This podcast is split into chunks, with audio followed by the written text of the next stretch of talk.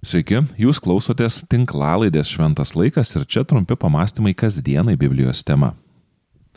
Kiekvienas žmogus pas Dievą ateina savaip, nors tai nereiškia, kad bet kaip. Pirmiausia, ateina supratimas, jog esi nuodėmingas ir be Dievo pagalbos pasikeisti nepavyks. Pranašo Jeremijo knygoje 23 skyriuje 13 eilutėje randu tokius Dievo žodžius. Ar gali etiopas pakeisti savo odą, o leopardas savo dėmes? Tad ar įgūdę blogai elgtis galėtume daryti gerą? Tai retorinis Dievo klausimas, į kurį atsakymas yra aiškus. Negali žmogus pakeisti savo odos spalvos ar gyvūnas savo kailio rašto. Taip pat ir nuodėmingas žmogus negali taip imti ir pasikeisti. Apaštlas Paulius laiškė romiečiams rašė, visi yra nusidėję ir stokoja Dievo garbės. Laiškas romiečiams 3 skyrius 23 eilutė. Visi esame nusidėję, be išimties. Ir tik vienintelis Dievas gali mus pakeisti. Kaip? Mes šventėjame į savo širdis prieėmę Dievo žodį ir gyvendami pagal jį. Jėzus meldėsi vienoje iš paskutinių savo maldų už mokinius prašydamas Dievo. Pašventink juos tiesa, tavo žodis yra tiesa. Jono Evangelija 17 skyrius 17 eilutė kai patikime, kad Jėzus mirė už mūsų nuodėmės. Kai priimame jį į savo širdis, prasideda mumise keitimosi procesas.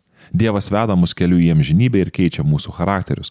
Mes daromės panašus į Dievą, o tai ir vadinama šventėjimu. Jei Dievo žodis, kurį Jėzus vadina tiesiog tiesa, įsišaknyja mūsų protose bei širdyse ir jei nevaržome šventosios dvasios savo gyvenime, mūsų gyvenimai panašės į Dievo gyvenimus. Krikščionių gyvenime turi būti apstu Dievo žodžio ir šventosios dvasios veikimo. Mes turėtume skirti laiko gilintis į Dievo žodžius, išpažinti savo paklydimus ir melsis, kad šventoji dvasia galingai veiktų mūsų gyvenime. Šventėjimo procesas yra neįmanomas, jei mes neprisiliečiame prie švento Dievo. Šventėjimas prasideda supratus, jog be Dievo esame bėdoje. Na, o tada svarbu kasdien rasti laiko pabūti su Dievu per jo žodį. Biblija. Ten užrašyti principai, dvasinio gyvenimo dėsniai, kuriems yra pavaldus kiekvienas šio pasaulio žmogus. Ar užtenka tik skaityti Bibliją? Daugelis žmonių tai klausia. Gal reikia ją mokytis atmintinai? Kiek laiko reikia praleisti su Biblija? Gal 15 minučių, gal pusvalandį, o gal visą valandą? Asmeniškai aš nemanau, kad čia laikas yra svarbiausia, nors skirimas nedalomo dėmesio Biblijos skaitimui ir maldai tikrai yra geras dalykas. Lietuvų patarlė netgi sako, su kuo sutampi toks ir pats tampi. Apaštlas Paulius tai pasako kiek kitaip. O kur viešpaties dvasia, rašo apaštalas, ten ir laisvė. Mes visi atidengtų veidų viešpaties šlovę atspindėdami daromės panašus į jo atvaizdą ir viešpaties dvasios veikimu vis didėja mūsų garbingumas. Antrasis laiškas korintiečiams, trečias skyrius, 17-18 eilutė.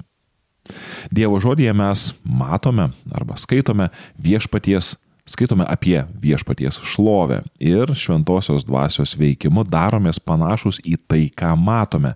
Ir šis principas galioja visur. Mes supanašėjame su tuo, na, į, yra, į ką yra nukreiptos mūsų akys, mes keičiamės pagal tai, ką matome. Todėl klausimas, kiek laiko reikia skirti maldai ir Biblijos skaitimui yra kiek ne į temą, nes svarbu yra ne kiek laiko praėjo skaitant Bibliją, bet ar susitikai su Dievu. Šis susitikimas yra labai svarbus, nes matydami Dievą Biblijos istorijose ir apmastydami jo veikimą istorijoje bei savo gyvenime mes daromės panašus į tą, su kuo bendraujame. Vertybės, sąmoningai ar ne, yra perimamos iš tų, kuriuos laikome reikšmingais žmonėmis savo gyvenime. Anksčiau, kai dar nebuvo namie televizoriaus, žmonės susėsdavo ir kalbėdavosi apie savo dieną, planus, išgyvenimus. Taip būdavo perdodamos šeimos tradicijos ir vertybės. Dabar tas buvimas daugeliu neįsivaizduojamas be trečio asmens, tai yra televizoriaus, kompiuterio ar išmanaus telefono. Aišku, nereikia nuvertinti nuodėmingo širdies polinkio į blogį ir negalvoti, kad anksčiau buvo geriau ir kad dabar viskas jau eina tik blogyn.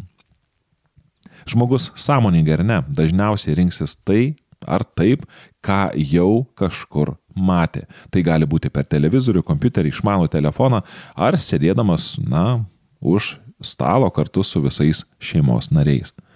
Kasdien esame bombarduojami žinučių ir vaizdinių iš šio pasaulio. Mus pasiekia labai skirtinga informacija, joje labai lengva pasimesti ir pamesti savo kelią. Mums gali pradėti rodytis, kad renkamės teisingai ar esame e, teisingame kelyje, bet kaip sako karalius Saliamonas, žmogui jo kelias gali atrodyti teisingas, bet jis galiausiai veda į mirtį. Žymaus rašytojo Tolkieno e, knygos pavadinimu Hobbitas motyvais pastatytame filme, tuo pačiu pavadinimu Hobbitas, yra scena, kai pagrindinis veikėjas Hobbitas vardu Bilbas kartu su nikštukais keliauja paslaptingu mišku. Nors tame miške gyvena elfai, vis tik blogis jame ima viršų ir piktoji dvasia yra apnuodijusi jame vyraujantį orą bei juo tekančią vandens versmę. Būrys keliauninkų eina ir jiems pradeda jau vaidentis nebūti dalykai. Jie pameta kelią ir susikivirčyje. Jie klaidžiojo po miško tankynę, kol galiausiai Bilbas nusprendžia užlipti į medį, pasiekti jo viršūnę ir apsižvalgyti.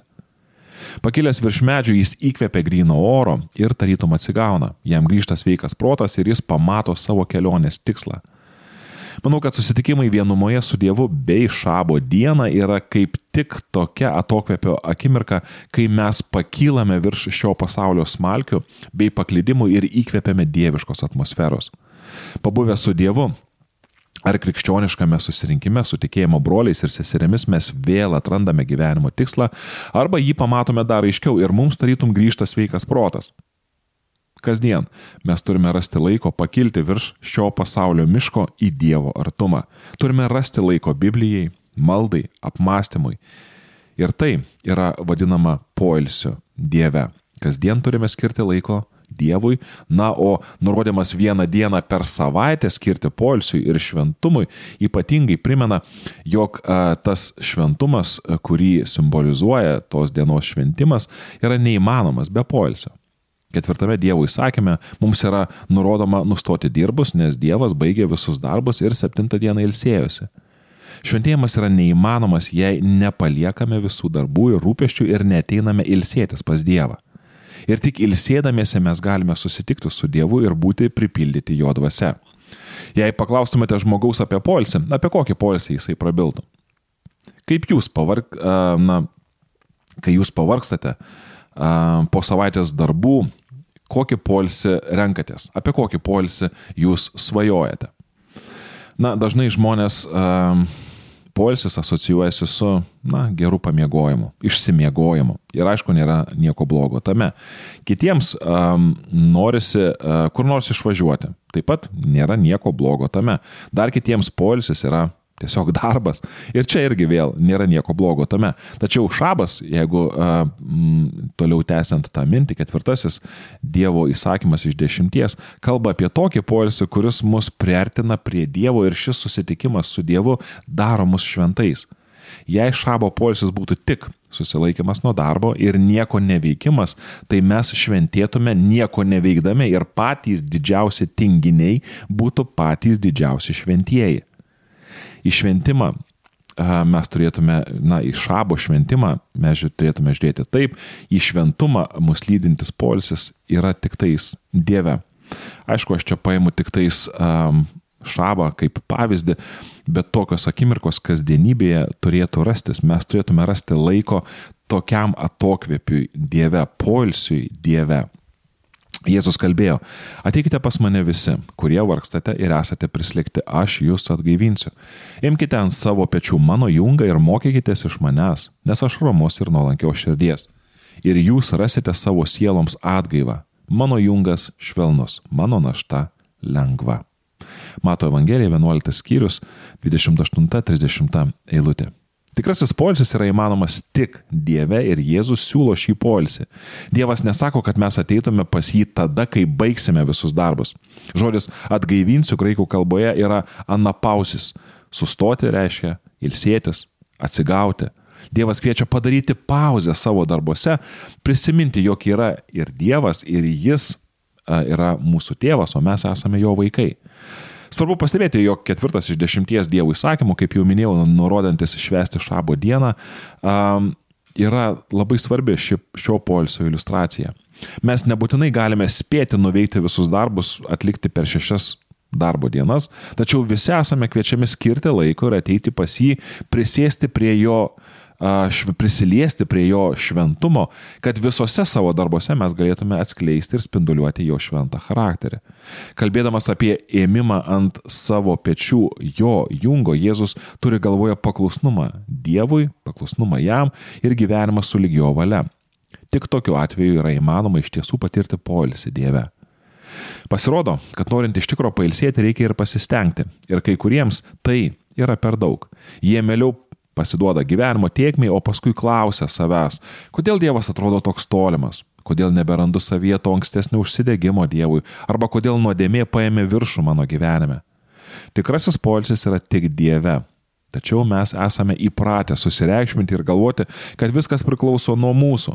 Mūsų išdidumas neleidžia tiesiog atsipalaiduoti ir atsiduoti Dievui. Ir šabas šiuo atveju mums primena, kad mes esame gyvi ne dėka prakaito, kurį liejame, bet dėka Dievo malonės. Kasdienybės darbuose, radę laiko pabūti su Dievu, mes kasdien patiriame atgaivą. Na, o skirdami vieną dieną per savaitę pristabdyti visas savo veiklas ir darbus, mes pripažįstame, kad mūsų gyvenimai yra patikėti Dievui į rankas ir kad būdami su juo mes keičiamės panašume į jį. Krikščionybės esmė nėra dogmų suvestinė ar praktikų rinkinys. Krikščionybės centre yra asmuo, Biblijos Dievas ir bet kokių doktrinų ar praktikų atskaitos taškas yra gili ir siela pamaitinanti bendrystė su Jėzumi. Pradėkite savo dieną ir savaitę nuo poilsio Dievo artumoje. Ieškokime pirmiausia dangaus karalystės, kaip mokė Jėzus, o visa kita bus pridėta. Primenu, jog ši tinklalaidė yra išlaikoma jūsų laisvanoriškų prisidėjimo. Kad šių ir įvairesnių tinklalaidžių būtų sukurta daugiau, kviečiu paremti Šventas laikas veiklą internete susiradus Contribui rėmimo platformą, na o joje paskira Šventas laikas. Dėkoju Jums už paramą.